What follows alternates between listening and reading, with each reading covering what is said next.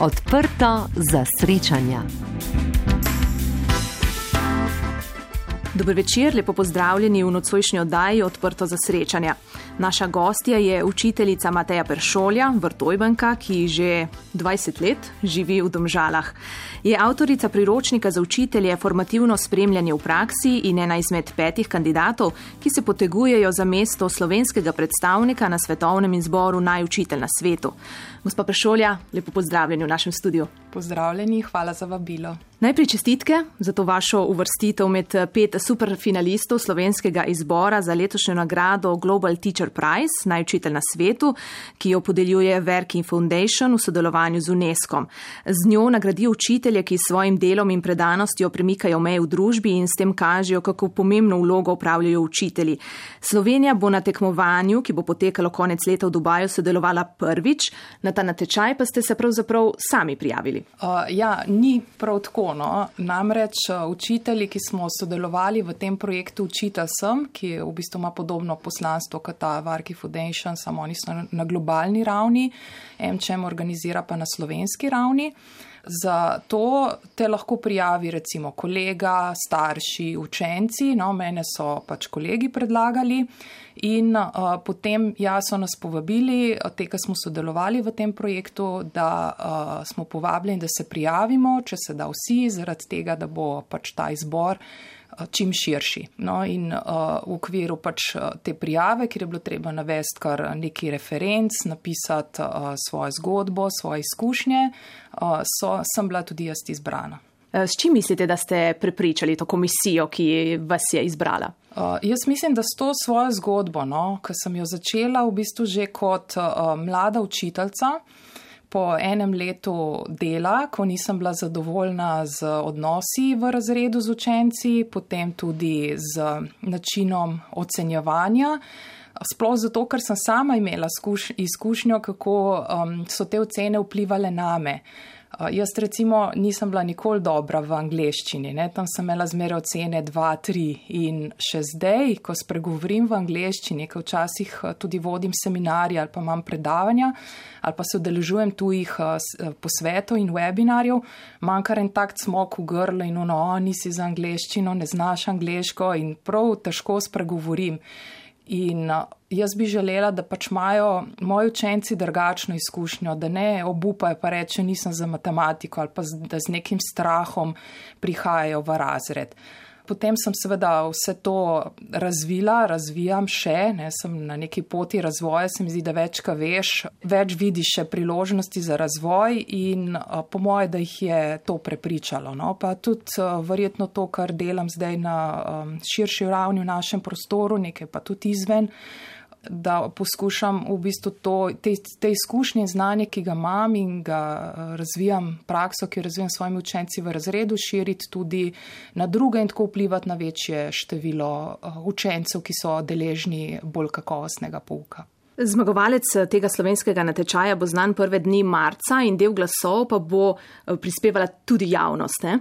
Ja, tako je. V bistvu glasovanje bo potekalo na treh ravneh. Ena tretjina je glas komisije, pred katerim bomo imeli še en tak intervju. Potem ena tretjina je glas teh učiteljev v projektu Učitelj sem, ena tretjina bo pa javno glasovanje, ki bo potekalo preko socialnih omrežjih in na spletni strani Učitelj sem in MČM Slovenija. Začelo pa se bo v petek to glasovanje. Začne se 12. februarja do 19. februarja. Izhajate iz učiteljske družine. Je bila odločitev o tem, da boste postala učiteljica nekako samoumevna ali ne? Uh, za me ne. Ja, res je. Mama je bila pač učiteljica, zdaj je že upokojena, nono je bil učitelj, teta, stric so tudi učitelji in sem rasla v takem okolju in se spomnim že v srednji šole, pa proti koncu osnovne šole, takrat se mi je zdelo fajn, tako da sem pomagala mami popraviti kakšne teste, mi dala kakšne kljubce, ki je zapisati, ne, ali pa preverjanja. Ma pa sem se tako upirala, jaz pa ne bom učiteljica, po mojem lih zaradi tega. Uh, sem pa celo srednjo šolo Eh, bila tudi vodnica in mentorca na planinskem društvu Nova Gorica. Tam sem potem nekako začela od uh, kolegov, vodnikov dobivati pač povratne informacije, da imam pač smisel za otroke in, uh, in pa sem nekako rekla, ma mogoče sem pa vseeno poklicana za to in ja, to me res veseli, pa ko začneš bolj realno razmišljati o poklicu, kje se vidiš. Definitivno se ne vidim v kakšni pisarni, papirjih, rabim neko kreativno stvarjalno delo in učiteljski poklic to omogoča. Tako da sem potem zbrala, da grem na pedagoško fakulteto. Ne. Pa je bilo bolj težko se odločiti, um, kjer predmet, ker se nisem videla, da sem dobra v matematiki, mogoče zato, ker sem se skozi brati primere, ker sta bila boljša od mene. In, uh, ampak pa sem pa vseeno zbrala matematiko, ker tam na pedagoški biologija mi je bila še manj všeč, recimo kemija tudi ne in pol skoraj ni ostalo drugega. Bili ste pravzaprav tudi zelo dejavni ne, tle v planinskem društvu Nova Gorica. Kaj vse ste počeli? Uh, ja, že takoj po koncu osnovne šole me moja mentorica Sonja Jogan povabila na mladinski odsek. Jaz sem prej bila članica planinskega krožka, hodila sem tudi na tabore, na izlete, pa smo tudi tekmovali na Mladina in Gore in lihko sem bila, takrat je bila še 8 let, ko v 8 razredu smo zmagali, smo šli na mednarodni tabor mogoče ona prepoznala pač nek potencial neki v meni in me je pač povabila. Tako da sem pol začela sodelovati na mladinskem odseku in se spomnim, da se mi je zdelo fajn, takrat ni bilo še teh formalnih nazivov, da moraš biti vodnik, pa tako. Jaz sem bila kar vodnica že na taborih in se spomnim, že, ker sem kot majhna hodila na izlete, sem si to želela. In uh, pa sem šla svet tudi na reste čaj za vodnika, vodila sem, pomagala voditi tabore, bil je zelo močen odsek takrat uh, na planinskem društvu v Novi Gorici. Uh, potem izlete organizirala, sem bila tudi mentorca že, po moje takoj, nek drugi, tretji letnik srednje šole ekipi planinskega krožka v, na moji bivši osnovni šoli, osnovni šoli v Naroba v Šempetru. Pa smo tudi zmagali, sem tudi organizirala tekmovanja. Ko sem šla v Ljubljano študirati, sem se vključila tudi na Mladinsko komisijo Planinske zveze Slovenije, pa sem vodila pokrajinski odbor mladinskih odsekov po Sočje, tam sem sodelovala pri prenovi tekmovanj Mladina in Gore, potem kasneje tudi pri prenovi teh akcij Ciciban Planinec, Mladi Planinec, sem tudi soavtorca prenove teh dnevnikov. Um, tako da sem bila kar aktivna, ampak uh, sem v bistvu hvaležna za vse te priložnosti, ker sem tam pridobila več izkušenj kot uh, za življenje in za moj bodoči poklic kot v šoli. Jaz sem se v bistvu tam vse naučila. Voditi sestanke, zapisnike delati, sprejemati pravilnike. To so bile tudi zelo dobre reference potem za naprej pri iskanju službe, da nisem imela večjih težav pri uh, zaposlitvi. Gore verjetno ostajajo vaša priljubljena točka. Ja, kadar se le da, pobegnem, pobegnemo. Oba z možem sva uh, vodnika Planinske zveze Slovenije in tudi inštruktorja. Sem bila pol kasneje, ko sem se preselila v Domžale, sem tudi aktivna na Planinskem društvu Domžale. Tako da še lani nekaj ni bilo mogoče, predlani sem tudi še vodila uh, gorniški tabor za mlajše na uh, Veliki planini. Uh, tudi kakšne izlete še pomagam uh, voditi na odseku, zdaj mi uh, ne znese, nisem več toliko aktivna, kot sem bila prej. In uh, ja, ko se le da, pobegne, pobegneva ali pa pobegnemo vsi skupaj malo gore in najhujše bilo, ker smo bili omejeni na občine in tam pri nas domžalah gledaš v nekamniške Alpe in ne moreš tja. In takrat mi je bilo pa tako res hudo, no, da si po sam hodili po mejah občine, nismo mogli iti pa v hribe. Ne. Čeprav eh, živite eh, že 20 let v Domžalah, pravite, da ste še vedno primorka. In tudi, če so vas tam v Domžalah pravzaprav že vzeli za svojo. Uh, ja, jaz sem, si pravim, da sem primorka, ko živim v Domžalah. Pa je pa še tako zabavno. Mož me je hitro naučil, da domžalčani pa niso gorenci. Ne? In je bilo zanimivo zdaj, ko so delali tudi intervju za me za gorenski glas kot predstavnico gorenske, potem pač domžalčani so domžalčani, njemu je pa najhujš, ko pride dol nam, ki mu reče, o, je prišel ljubljanča ali pa so prišli ljubljančani, to pa sploh znori. Ne? Tako da se mi zdi, da ko si enkrat primorc, da ostaneš primorc in tudi manjsko željo, da če ne preka v penzi, da bom prišel nazaj sem dol. To klimo spomladi, jeseni, se poletje malo pretoplo, po zimi imam tudi rada sneg, ampak ja, rada pridem. Na tej točki predlagam uh, malo glasbenega premora po uh, vašem izboru. Aha, jaz imam rada uh, italijanske pesmi in te še zmeraj poslušam, ne se tako, kot pravijo, da ostanemo pač v svoji mladosti s to glasbo. Tako da, uh, ne vem, všeč mi je Laura Pauzini recimo ali pa Zucchero tudi. Tako da lahko od Laure Pauzini recimo simili. Sono scappata via quando mi sono vista dentro un labirinto senza decidere. Ospite in casa mia con sillabe d'amore tutte al pavimento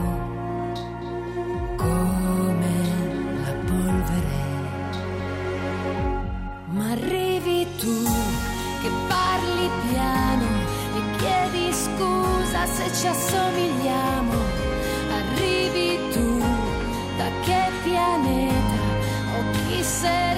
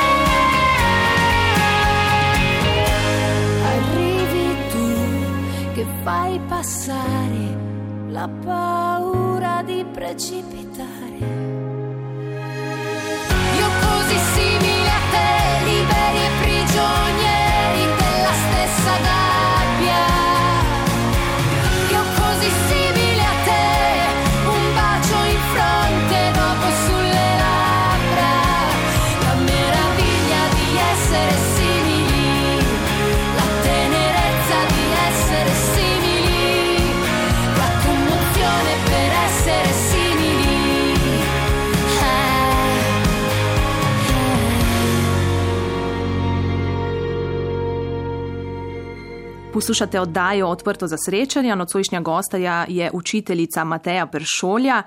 Eh, Poklic učiteljice, kot ste povedali, vam je pravzaprav že takoj eh, na začetku postavil ta nek velik izziv. Eh, Namreč, kot ste dejali, ste bili nekako nezadovoljni s tem odnosom z učenci. Zakaj je bilo tako? Ja, ko prideš v razred kot mlad učitelj, sveda imaš neko sliko, ne, kako sebe vidiš, kako si predstavljaš, da bo. In ta moja slika se z realnostjo ni ujemala. Ne. In ko imamo tako situacijo, vemo, da je pol to frustracija. Ne. Sploh, ko sem imela to izkušnjo s hribo, kako je učiti otroke v naravi, ko imaš čas, ko seveda pridejo tisti, ki jih zanima in seveda v razredu, v osnovni šoli imaš ti vse, v nekaj jih matematika zanima in v nekaj jih ne. In uh, potem se spomnim, da mi je bilo kar, kar težko. No? In uh, upoštevaš pol prve nasvete kolegov, ki ti reče: udari po mizi, pokaži, kdo je šef. In pa sem naredila to, in se mi zdi, da je ratala ena taka vojna, kdo bo koga. In, ne, in ko imamo to mirjenje moči, potem imamo situacijo, ko bo izgubljajo.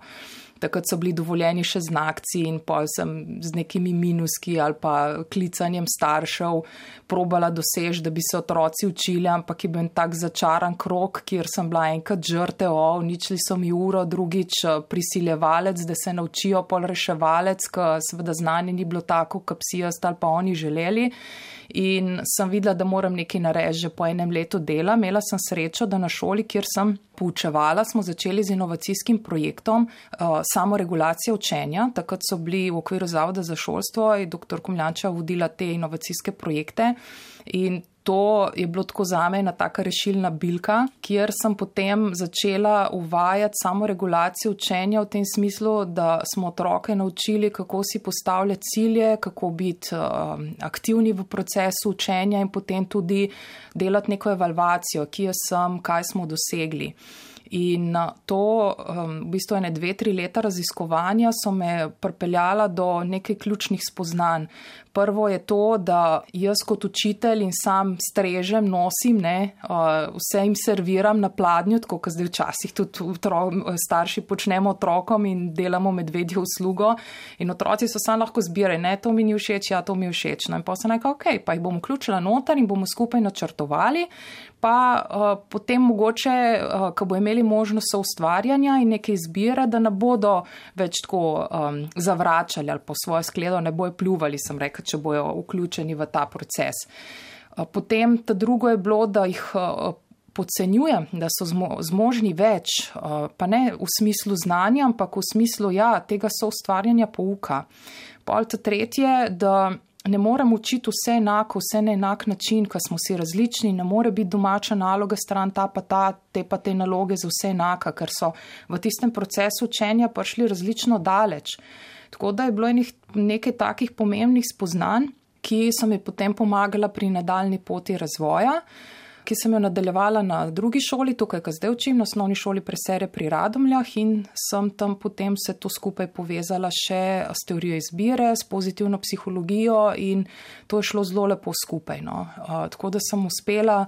V bistvu um, ta prva spoznanja so bila, da smo izboljšali te odnose v razredu, da sem bila jaz bolj zadovoljna, da se je odprl en prostor za pogovor, dialog, rast pa razvoj in uh, to uh, me je navdalo z enimi takimi pozitivnimi občutki, da sem se še bolj podala v to raziskovanje. Potem ste nadaljevali ne, to vašo raziskovalno pot, ki vas je pripeljala do tega formativnega spremljanja. Ja, res je. To so bili pol tudi projekti razvoj didaktike ocenjevanja. No, tam sem pol že potem, ko se je zaključil, mal stopila na svojo pot formativnega spremljanja opazovala sem, kako, katere modele uporabljajo tudi v tujini v okviru Erasmus projektov z, mojih, z mojimi kolegi na šoli in malo primerjali in v bistvu ugotavljali, kaj pa primerno za naš šolski prostor, ker vseeno izhajamo iz ene drugačne tradicije, kulture v smislu tega nekih elementov vrednot socialističnega sistema, pa hkrati tudi sprememb, ki smo jih upeljali, pa smo stopili na samostojno pot kot Slovenija, so se te vrednote spremenile in tudi to, da imamo še vedno pač eh, ocenjevanje v šoli. Ja, tako da smo, sem pol s tem svojim raziskovanjem, ne sama, pa tudi s kolegi v različnih projektih, eh, sem poskušala najti en tak model, ki bi se odnes, obnesel za naše kulturno okolje. Zdaj, če se najprej osredotočiva, pravzaprav kaj pomeni to formativno spremljanje? Kakšne so razlike med uh, tem normativnim, ki je bolj uveljavljen pri nas? Ja, zdaj, če uh, tako neposredno gledam, kako sem jaz preučila, ali pa ne vem, mogoče se bo kjer od učiteljev najdu tudi uh, v tem mojem prejšnjem načinu. Pogosto je izgledalo tako, da smo šli čez neko temo ali pa poglavje in potem je sledilo neko uh, ocenjevanje, ne, še prej pač preverjanje, ker zdaj tudi pravilnik zahteva od nas in uh, si jim dal zapisati nek test ali pa um, si jih vprašal, ne učence in uh, na tak način si ocenil. V čem je razlika zdaj? Ne? Ko sem pač preučila na tak način, se mi zdi, da sem šla tako vsako uro neko novo snov, vse smo delali vaje na tablo, pa v zvezke, ampak ko sem na koncu dala tisto preverjanje, sem imela občutek, da sem že tako po dveh urah zgubila svoje učence in pa si se sam primu za glavo, jo enoč ne znajo in pa je bilo treba sve to utrjevati in ponavljati. Zdaj, ko delam po načelih samoregulacije informativnega spremljanja, je tako, da v bistvu že v štartu učenci vedo, kaj je cilj, vedo, kam gremo. In uh, potem tudi na tej poti, ne vem, recimo po dveh, treh urah, nastane že prvi dokaz o znanju. Skratka, ne pustim jih do konca, da ne bi vedeli, kje so. Ne? Tako kot pilot v letalu, ki pač sam štarta, ne ve, kam gre, ne ve, kje se nahaja. Pač poskušam uh, ustvarjati okoliščine, da moji učenci, če so piloti v letalu, vejo, kam grejo in tudi vejo, kje na poti do cilja se nahajajo. In to skozi poteka v tem dialogu med kontrolnim stolpom, ki je učitelj, pa pilotom v letalu, ki je učenec. In ob teh dokazih o znanju, v bistvu oni pišejo samo presoje v smislu, a zdaj že dosegam cilj tiste ure ali pa tistih parih ur, ki jaz sem, kaj si še želim dosežti uh, v smislu pač matematike in tega cilja in dobijo tudi moje povratne informacije, ki seveda niso v obliki točk, procent in odstotkov in to je eden bistvenih elementov formativnega spremljanja, ampak so v, uh, v obliki nasvetov za prihodnje aktivnosti, tako da učencu pomaga iz točke, na kateri je se premakniti naprej. Seveda to ne počne samo učitelj, ker je tega preveč. To, uh, delajo tudi učenci sami, drug z drugim. Če vam dam primer, recimo, takih ur, ki jim rečem samo kapo dol, ne, mojim učencem, recimo, ko jim prinesem tak izdelek nazaj, potem jim recimo vrnem, pa rečem čestitam, tej dosegate cilj, ostali si pa zberite vsak enega sošolca, ki bo danes vaš inštruktor in vam bo pomagal. Ali pa imam učence, ki sem videla prek teh izdelkov, da dosegajo cilj, pa rečem, vi boste asistenti danes par moji uri in boste vsak pri eni skupini pomagali sošolcem. In v bistvu tako imajo vsi občutek enega zadovoljstva in tej, ki znajo, ki lahko pomagajo drugim in tudi vedo, da če razlagaš drugim, da odneseš bistveno več od ure, kot če sam poslušaš. In uh, tudi tej, ki pa jim še ni šlo, ki dobijo pa pomoč. In sošolca bo je prej ustavljal, bo rekel, čakaj, kako si to mislil ali pa ne razumem, kot učitelju. Ne? Ta komunikacija med njimi je bolj neposredna. In v bistvu tako na poti, uh, čez ta učni proces, zbiramo dokaze, dobivajo povratne informacije, delajo samo presoje in na koncu ob uh, predocenjevanjem zapišemo tudi taka merila uspešnosti, kjer v bistvu gre za to, da vedo, kaj treba znati za dve, kaj za tri, štiri, kaj pa za pet. Ampak to so v bistvu cilji, znanje, ki je od zadaj. In napišejo samo presojo, ugotovijo, so že s tem zadovoljni. Jaz jim tudi povem, ne, kaj pa jaz mislim. Ne, a, a, drži to, kam ima on občutek, da je že na tej ravni, a še ni, da dosegate cilje ali ne. Konc koncev lahko pogledava, kaj kaže njegovi dokazi v znanju, v zvezku ali pa portfolio. In uh, seveda potem, če, če je zadovoljen, tudi predlaga oceno, jaz tudi, ne, in pogosto so oni bolj strogi do sebe kot jaz. In to ni samo moja izkušnja, to je izkušnja vseh učiteljev, ki uvajajo formativno spremljanje.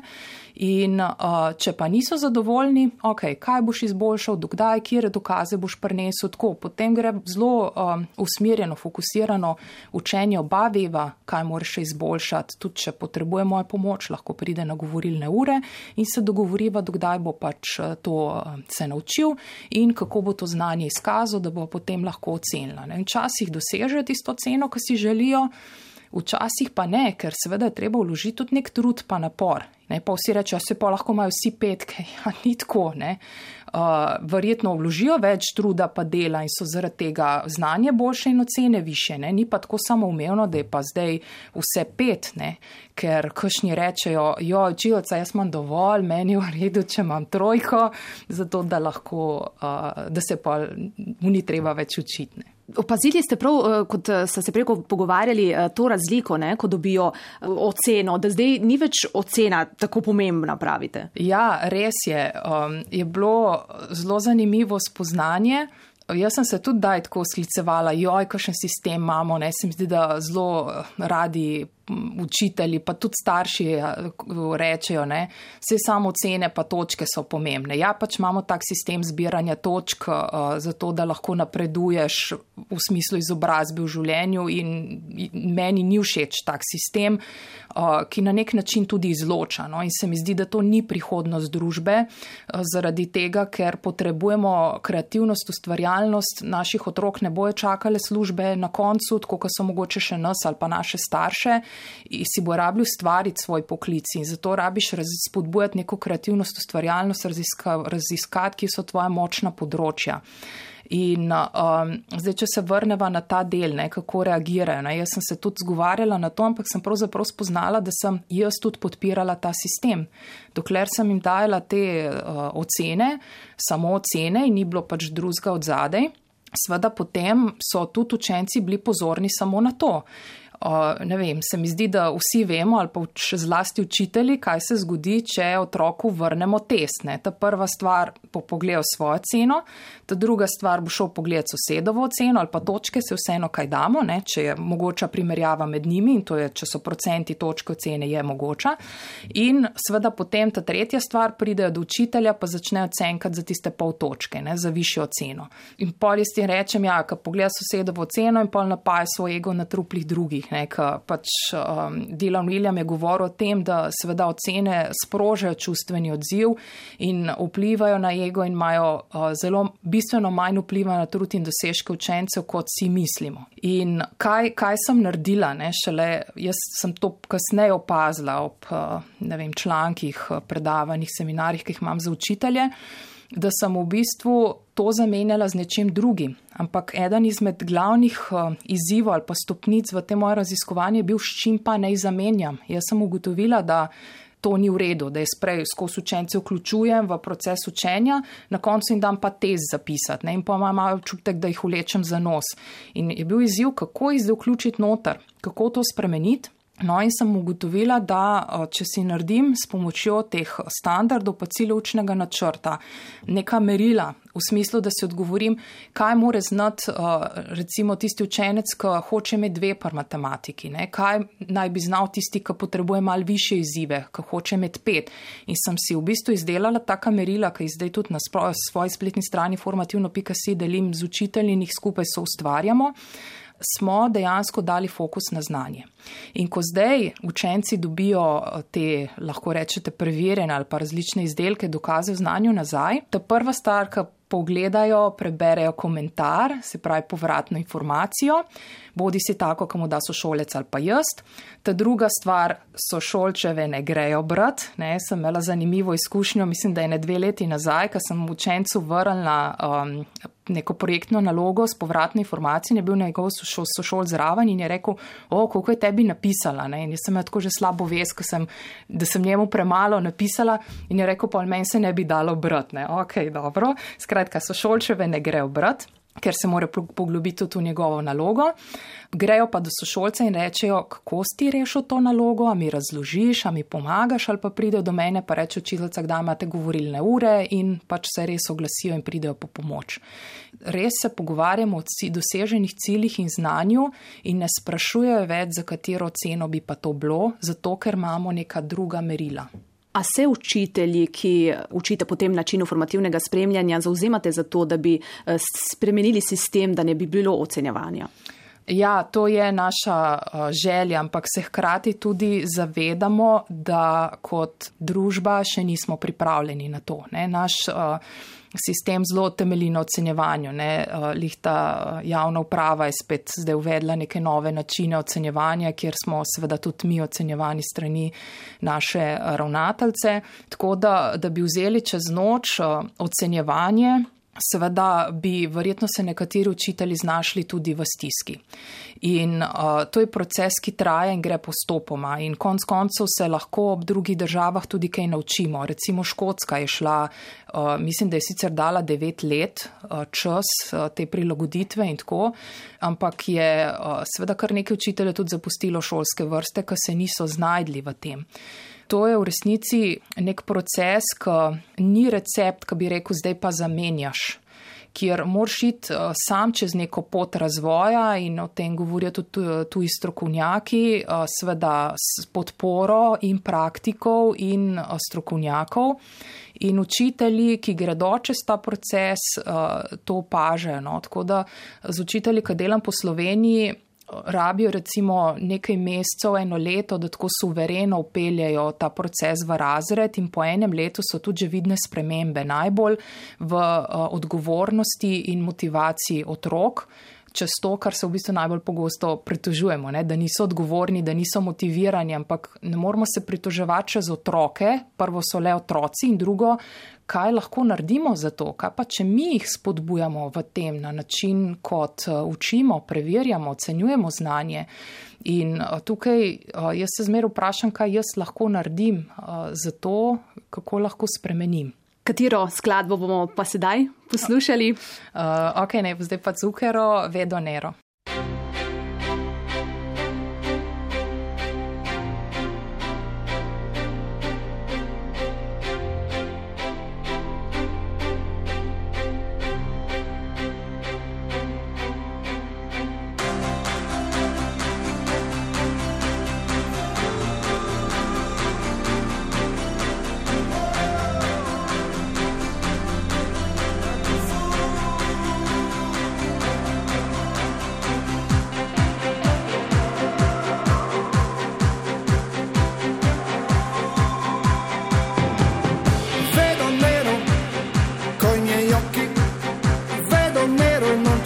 piace per me, perdo il pelo, shot the manche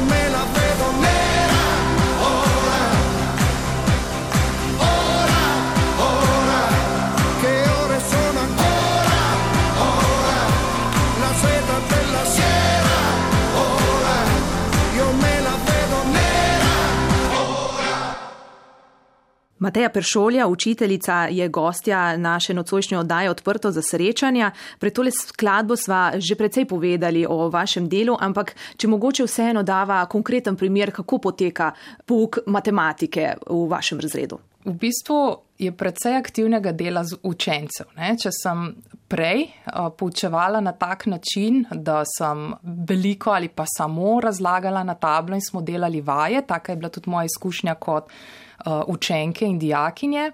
Zdaj so bistveno bolj aktivni moji učenci. In seveda, ko načrtujem z njimi pouk in reflektiram z njimi, mi je bilo res uh, tako odlično gledalo nastavljeno, ko sem jih vprašala, kako bi se pa vi radi učili. In so mi rekli, razložite na tablo in mi prepišemo v zvezke pa rešujemo vaj na tablo in mi prepišemo v zvezke. In sem se kar naenkrat zavedala, da to samo prepisujejo. In pa sem si mislila, najbolj da jim dam še test prepisati in bomo delali samo na cilju prepisovanja in matematike je tukaj pol bolj malo.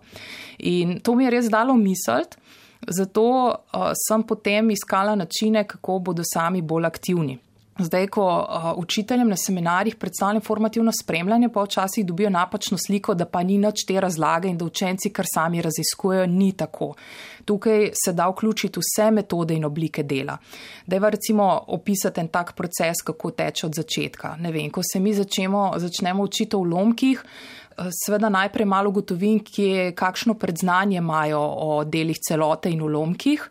Tukaj lahko uporabimo različne načine. Recimo en tak, ki jih dosti pogosto uporabljam, je, da jim naštimam neke plakate z vprašanji po razredu, jih dam v skupine in potem, ne vem, odgovarjajo na, recimo, nariši v primeru ulomka, zapiši ulomek, preberi ga, kje v življenju uporabljaš ulomke, zakaj se sploh to učimo, kje nam bo služilo to znanje v življenju. Potem te plakate zberemo recimo na tabli in uh, se uh, posedemo okrog njih, tam pod tablo in se pogovarjamo. Pogledamo, kaj so oni zapisali, tukaj se odprejo kakšna vprašanja, recimo, in ta vprašanja ne odgovarjamo, jih napišemo kot cilje. Ne vem, rad bi znal seštevati ulomke, odštevati, če ne znam. Pač različne stvari se tukaj odprejo.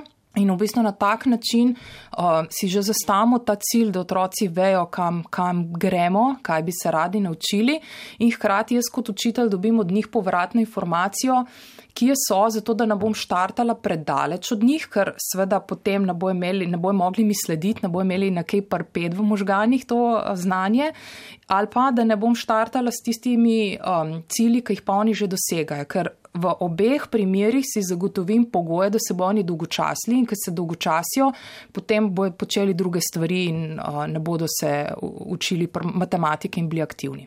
In uh, potem v sam proces učenja seveda se pogovarjamo z njimi ne? in vsak reflektira, kdaj se pa jaz največ učim, kdaj največ odnesem od pouka in jim omogočim, da uh, vsaj ko jih spoznavam, da se o tem pogovarjamo. Eni rabijo mir, tišino, enim je fajn, če so v skupini, enim je fajn, če učiteljca razloži. In v bistvu je tak velik izziv za nas učitelje, zmeraj kako zdaj vse to uh, organizirati. Ne? In je v bistvu ta management v izobraževanju v šolah lahko dosti zahteven, ker imaš učence z različnim predznanjem. In uh, tukaj se poslužujemo ja, tako skupinskega dela kot. Um, recimo tudi uh, frontalnih razlag, ne pomeni, da jaz zdaj nič ne razlagam. Res pa je, da večino časa učenci sedijo in delajo v skupinah, ker verjamem, da uh, v skupini, kjer se dobro počutimo, tam lahko napredujem. In tudi, če razlaga ni tako, kot sem imela prej, 45 minut ne, ali pa ne, 30 pa pol vaje, je pač kratka, potem grem okrog pogled, ne, da dobim povratne informacije od njih, kaj pa zdaj oni že znajo, razumejo, zato da lažje načrtujem naslednjo aktivnost, kaj jim bom pripravila.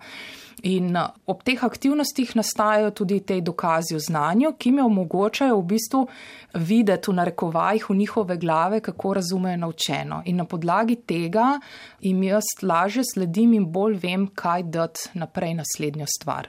Tako potem počasi s temi dokazi pridemo recimo nekje do konca poglavja, vmes so samo presoje evalvacije, um, tako da tudi učiti mlajše gremo kdaj recimo.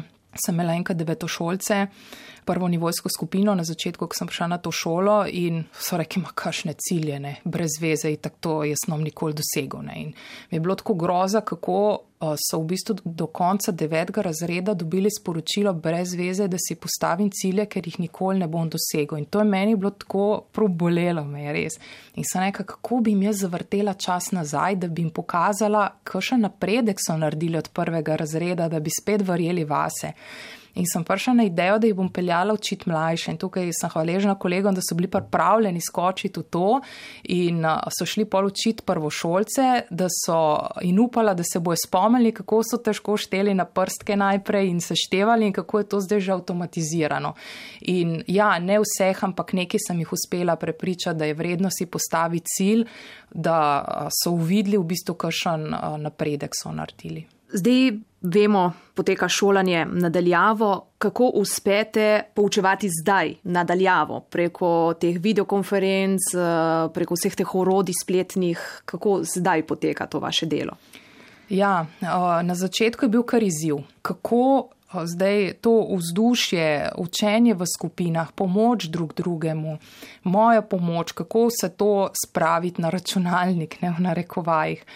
In um, tukaj smo vsi pač skočili v vodo in plavali. Jaz sem imela srečo, da sem kar nekaj urodij že poznala, ker sem prej sodelovala na različnih uh, posvetih, uh, webinarjih, uh, tudi po svetu in sem poznala tako recimo te videokonferenčni sistem Zoom in znala že z njim delati.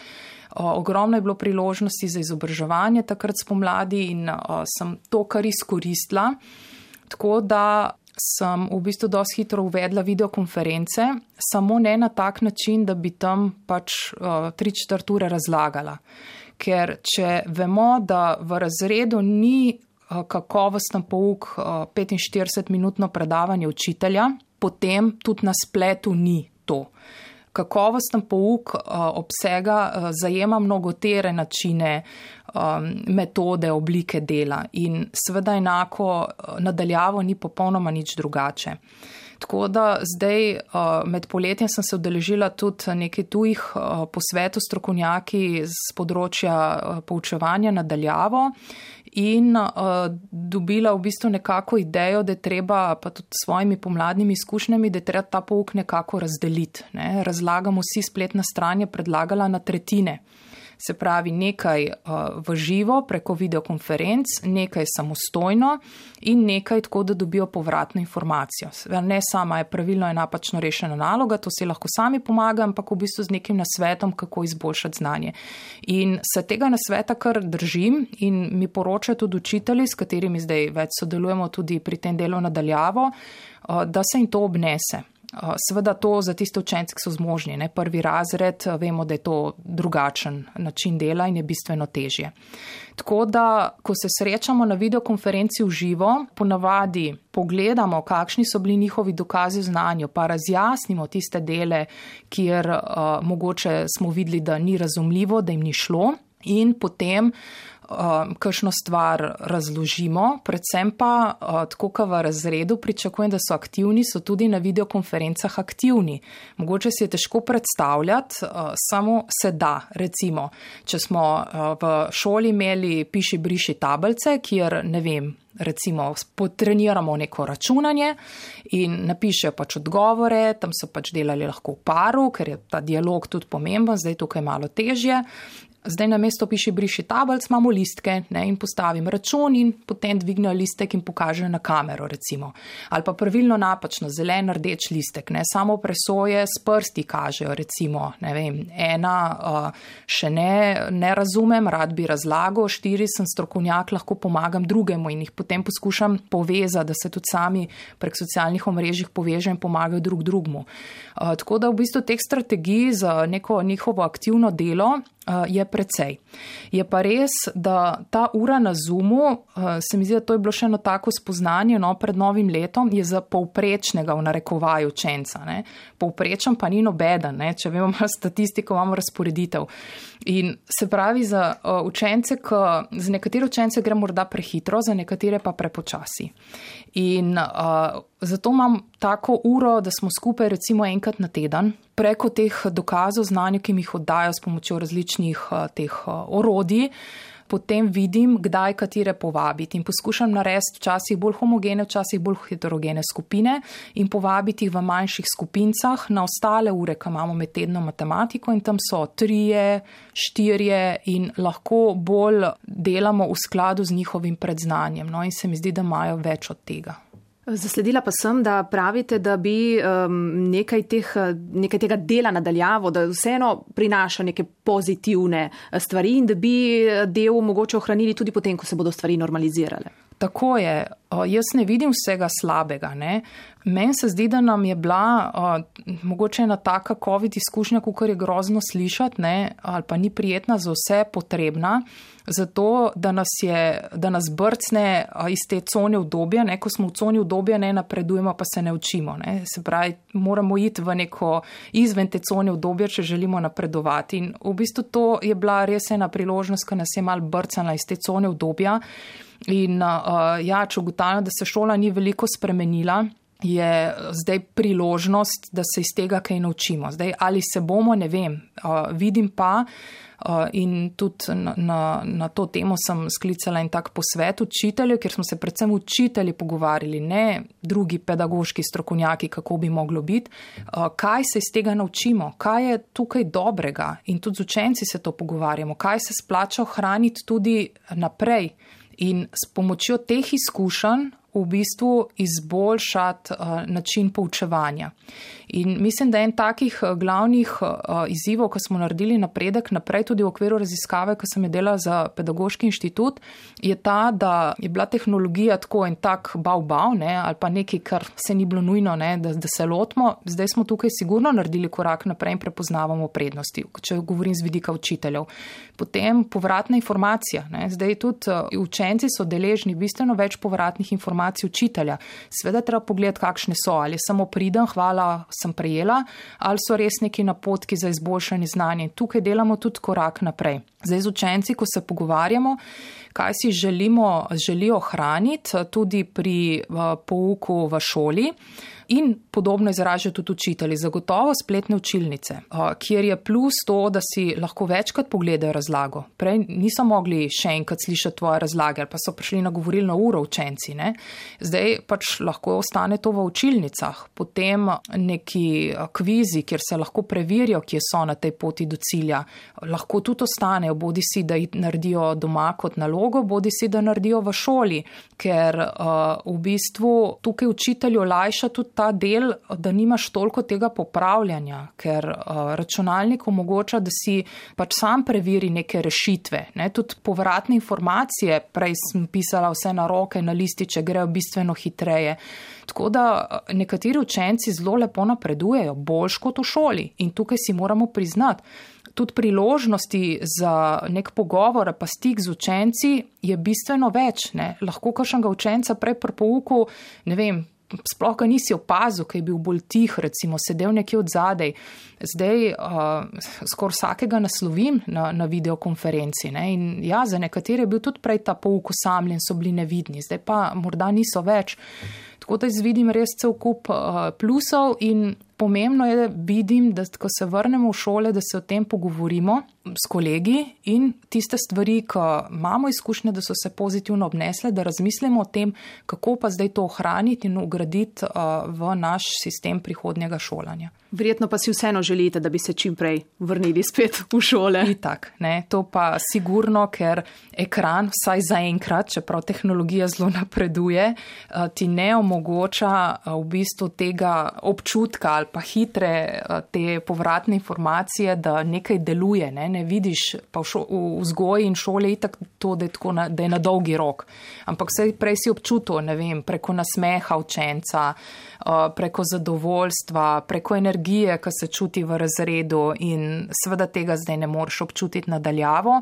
Tam, ki je pa minus uh, ali pa izzivno, kako omogoči, da si bodo pomagali med sabo, to, kar smo imeli recimo prej v razredu in sodelovanje v skupinah, kar so učenci pri mojih urah spoznali spoznali kot plus, kako zdaj to omogočiti nadaljavo. No? In vključiti se ta socialna mrežja, tukaj pa nisem še našla neke rešitve.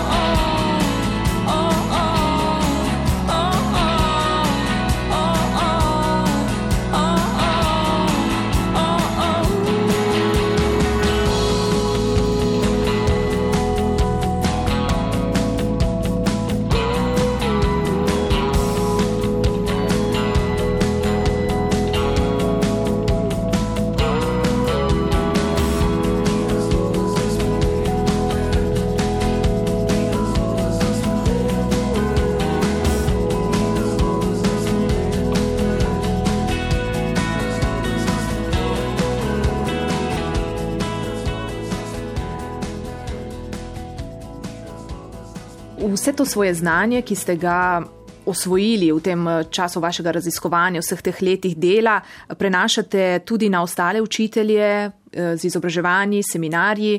Kako zelo razširjena in kakšno zanimanje je za to formativno spremljanje med učitelji v Sloveniji?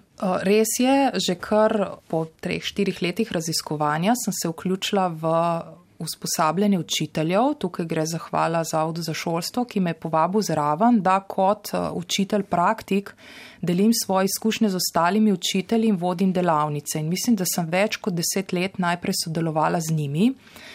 Res pa je, da vse, kar uh, sem sama preizkusila v praksi, sem delila in še zdaj je tako, da ni to samo neko teoretično znanje, ki ga pridobim, ampak resnično moje izkušnje. In zanimanje za formativno spremljanje je uh, zadnje čase vedno večje. Mogoče um, spoznavamo zdaj, da tak način dela, da bi imeli tako učence pod kontrolo, ko delajo naloge, ko pišejo teste, da so testi zaprti v nekih omarah, ki jim razdeliš, ko pride v razred, to je zdaj nemogoče. In edino, um, kar nam pomaga, to ugotavljamo tisti, ki smo zdaj že nekaj časa v formativnem spremljanju, in to ima tudi učinek, uh, pojasnjuje strokovnjaki, da ima učenec nadzor nad svojim učenjem. In v bistvu mi jih učimo učence teh veščin, kako imeti nadzor nad svojim učenjem in uh, zaupanje, ki se razvije uh, tudi ob tem procesu med učiteljem in učencem, da se iskreno in odprto upa povedati, učiteljca, jaz pa tega ne znam, tukaj rabim pomoč, v bistvu, da iščejo povratne informacije pri učitelju in sošolcih. In z tega vidika in z teh spoznanj je popraševanja vedno več. Tako da um, zdaj po, ja, že 15 let po moje, da izvajam različne delavnice in seminarje, mislim, da zadnjih pet let uh, samostojno, ne več v okviru Zavoda za šolstvo, pa ne po moji izbiri, Tako da z letošnjim šolskim letom sem se pa želela temu svojemu raziskovanju in delu z učitelji posvetiti malo več časa, ker sem videla priložnost za napredek pri sebi, nisem pa želela um, prenehati dela z učenci, ker tam hitro dobim nazaj povratno informacijo, ki so zadovoljni, veseli, hvaležni za to, prej kot pri delu z odraslimi. Tako da se letos polovično posvečam temu, uh, učiteljem polovično poučujem. Spomladi sem začela z brezplačnimi webinarji, letos imam uh, let, jeseni malo enega, malo drugega. Uh, povezala sem se tudi študenti, uh, študentskim svetom pedagoške fakultete, tudi uh, z njimi sodelujemo in imamo brezplačne webinarje za uh, študente, kjer se priključuje tudi učitelji in me veseli, ker so zelo hitro polni. V dveh dneh tako 200 prijav, kar mi je tako izjemna čast, da je tako zanimanje. In tudi delavnice bomo organizirali z njimi aprila na pedagoški pedagoški fakulteti za uh, študente. Uh, Sveda vse seminarje, webinarje, posvet, posvet sem organizirala, imamo tudi načrtovanga zdaj v aprilu. Uh, upam, da bomo lahko. Prej smo imeli neke regijske posvete, da je tako v manjših skupinah si podelimo te izkušnje. Um, skratka, organiziramo neke različne priložnosti za tiste, ki si želijo to spoznati, da imajo možnost spoznati. In nisem edina, ki izvaja te seminarje, izvaja tudi Zavod za šolstvo, izvaja tudi nekatere moje kolegice uh, na podoben način, delijo izkušnje in um, tako da na državni ravni je podprto. No? Tudi ministrstvo podpira tak način.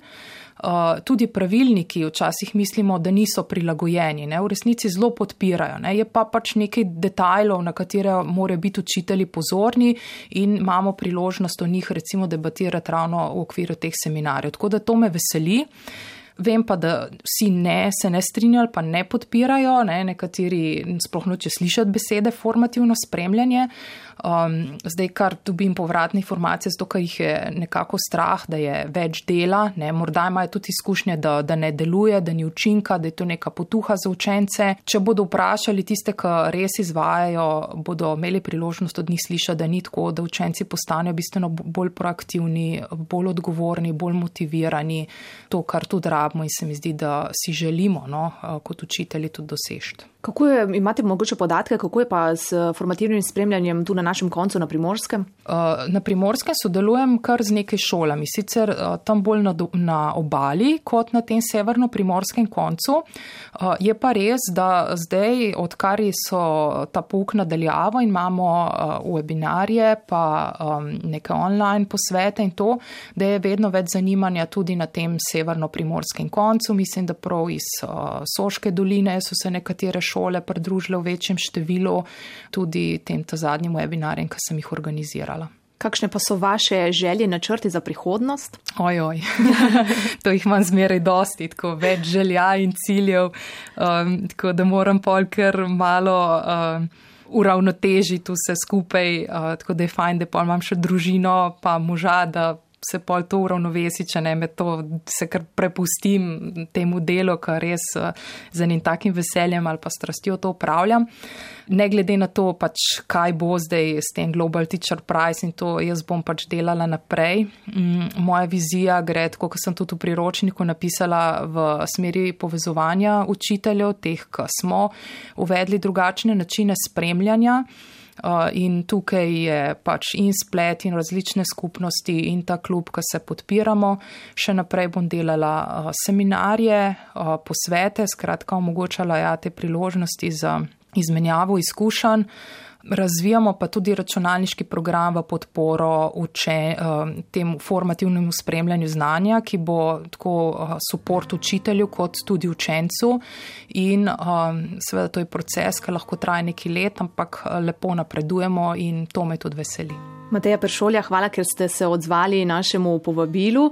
Srečno vam želim na tem uh, izboru za to nagrado Naj učitelj na svetu in uspešno širjenje obzori tako učencem kot učiteljem. Najlepša hvala.